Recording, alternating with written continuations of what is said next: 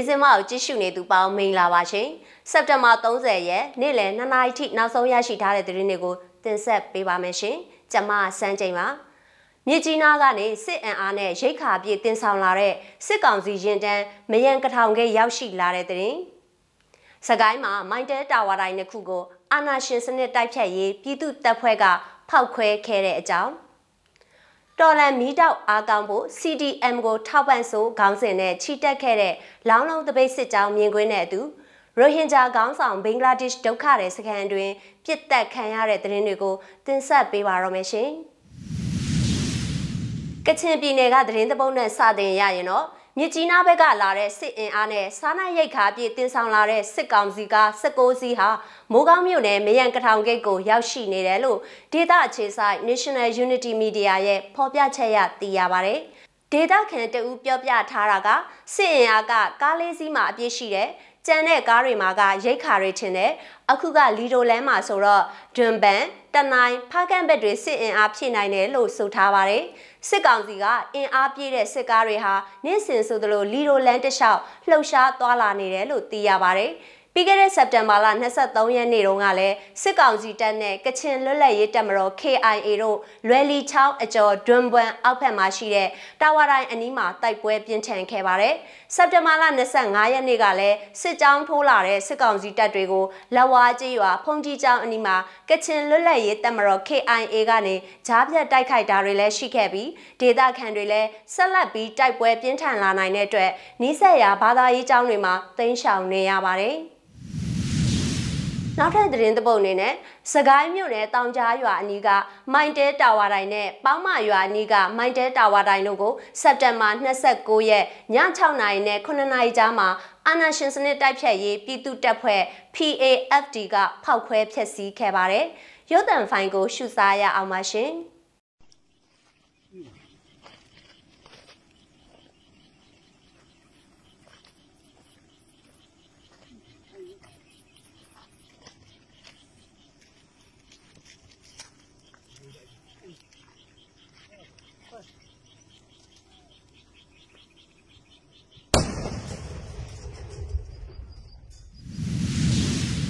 လောင်းလုံးကတပိတ်စစ်ကြောင်းမြင်ကွင်းတစ်ခုကိုလည်းဆက်ပြီးရှုစားရမှာပါဒီနေ့စက်တင်ဘာလ30ရက်မနက်ပိုင်းမှာတဝဲခရိုင်လောင်းလုံးမြို့နယ်တွင်းကအမျိုးသမီးတွေလူငယ်တွေနဲ့ចောင်းသူចောင်းသားတွေပူးပေါင်းပါဝင်တဲ့တော်လန်မီတောက်အားကောင်းဖို့ CDM ကိုထောက်ပံ့ဆိုဆိုတဲ့စစ်အာဏာရှင်စနစ်ဆန့်ကျင်ရေးတပိတ်တစ်ခုခြိသက်ဆန္ဒထုတ်ဖော်ခဲ့ပါတယ်။ရုပ်သံဖိုင်ကိုဖွင့်ပြချင်ပါတယ်ရှင်။ဒီမိုကရေစီရရှိရရောရဲရောရဲဒီမိုကရေစီရရှိရရောရဲရောရဲစောတော်ရှင် တော်တော်ရရောရဲရောရဲစောတော်ရှင်တော်တော်ရရောရဲရောရဲစောတော်ရှင်တော်တော်ရရောရဲရောရဲဘောရဒီမိုကရေစီပြည်တော်စုဒီစောရရောရဲရောရဲဘောရဒီမိုကရေစီပြည်တော်စုဒီစောရရောရဲရောရဲတော်စကွတော်စီလုံးကြီးလုံးကြီးတော်စကွတော်စီလုံးကြီးလုံးကြီးတော်စကွတော်စီလုံးကြီးလုံး The boy, the boy. Mau, mau. The boy, the boy. Mau, mau. The boy, the boy. Mau, mau. Zero. Ayami, awo, ayami. Zero. Ayami, awo, ayami. နိုင်ငံတကာသတင်းသဘုတ်ကိုလည်းဆက်လက်တင်ပြပေးချင်ပါတယ်ရှင်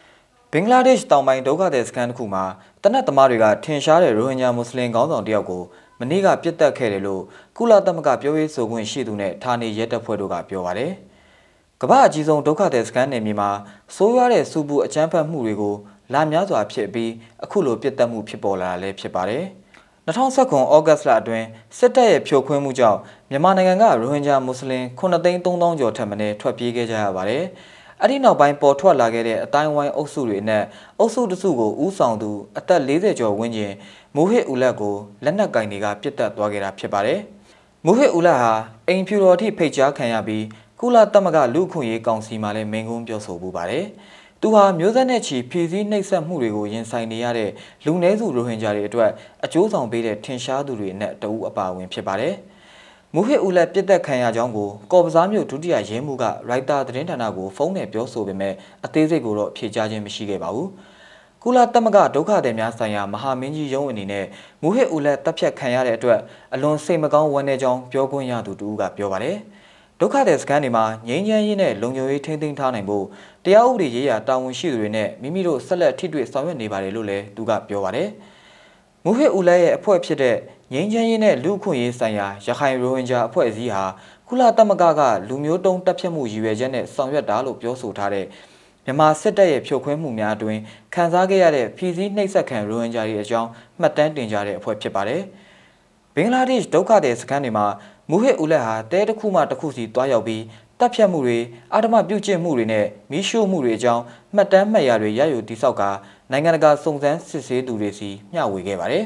။သူ့ရဲ့အဖွဲ့အစည်းဟာဒုက္ခသည်စခန်းတွေကအတန်တွေကိုကဘာနဲ့တဝန်သိရှိအောင်လှုပ်ဆောင်ခဲ့ကြပါတယ်။ရိုဟင်ဂျာတွေဟာသူတို့ရဲ့အနာဂတ်နဲ့ပတ်သက်ပြီးစကားသံတခွန်းတက်ပို့ပြီးလိုအပ်နေတယ်လို့မူဟစ်ကကုလသမဂ္ဂလူ့ခွင့်ရေးကောင်စီမှာပြောကြားတဲ့မိန့်ခွန်းမှာထည့်သွင်းပြောဆိုခဲ့ပူပါတယ်။ သူ့ရဲ့လူတီများထင်ရှားလာမှုဟာတဘောသားတင်းမာသူတွေရဲ့ပြစ်မှတ်ဖြစ်လာပြီးတတ်မယ်ဖြတ်မယ်ဆိုတဲ့ချင်းချောက်မှုတွေကိုခံရတယ်လို့သူက2019ခုနှစ်တုန်းက Writer တင်းဌာနကိုပြောပူပါတယ်။ကျွန်တော်တည်သွားရင်တော့ကျင်တတ်တယ်ကျွန်တော်အသက်ကိုပေးဆက်သွားမှာဖြစ်တယ်လို့သူကပြောခဲ့ပူပါတယ်။မူဟစ်အိုလက်တေဆုံးခြင်းကရိုဟင်ဂျာအတိုင်းဝိုင်းအတွက်ကြီးမားသောဆုံးရှုံးမှုလို့ရိုဟင်ဂျာရက်ဖတ်အဖွဲ့အစည်းတက်ကြွလှုပ်ရှားသူနဲ့ ဖေဖော်ဝါရီအာဏာသိမ်းမှုအပြီးတည်ထောင်သော ရှင်ပြိုင်ရက်သားအစိုးရအမျိုးသားညီညွတ်ရေးအစိုးရရဲ့အကြံပေးတဦးဖြစ်သူဦးအောင်ကျော်မှုကပြောပါတယ်။ချင်းချုံမှုကိုသူကအမြဲတတိမပြတ်ရှိနေသူပါ။ဒါပေမဲ့သူကချင်းချောက်ခံရလို့သူဘာမှမလုပ်ဘူးဆိုရင်ဘာမှဖြစ်လာမှာမဟုတ်ဘူးလို့ယုံကြည်ထားတာပါလို့သူကပြောပါတယ်။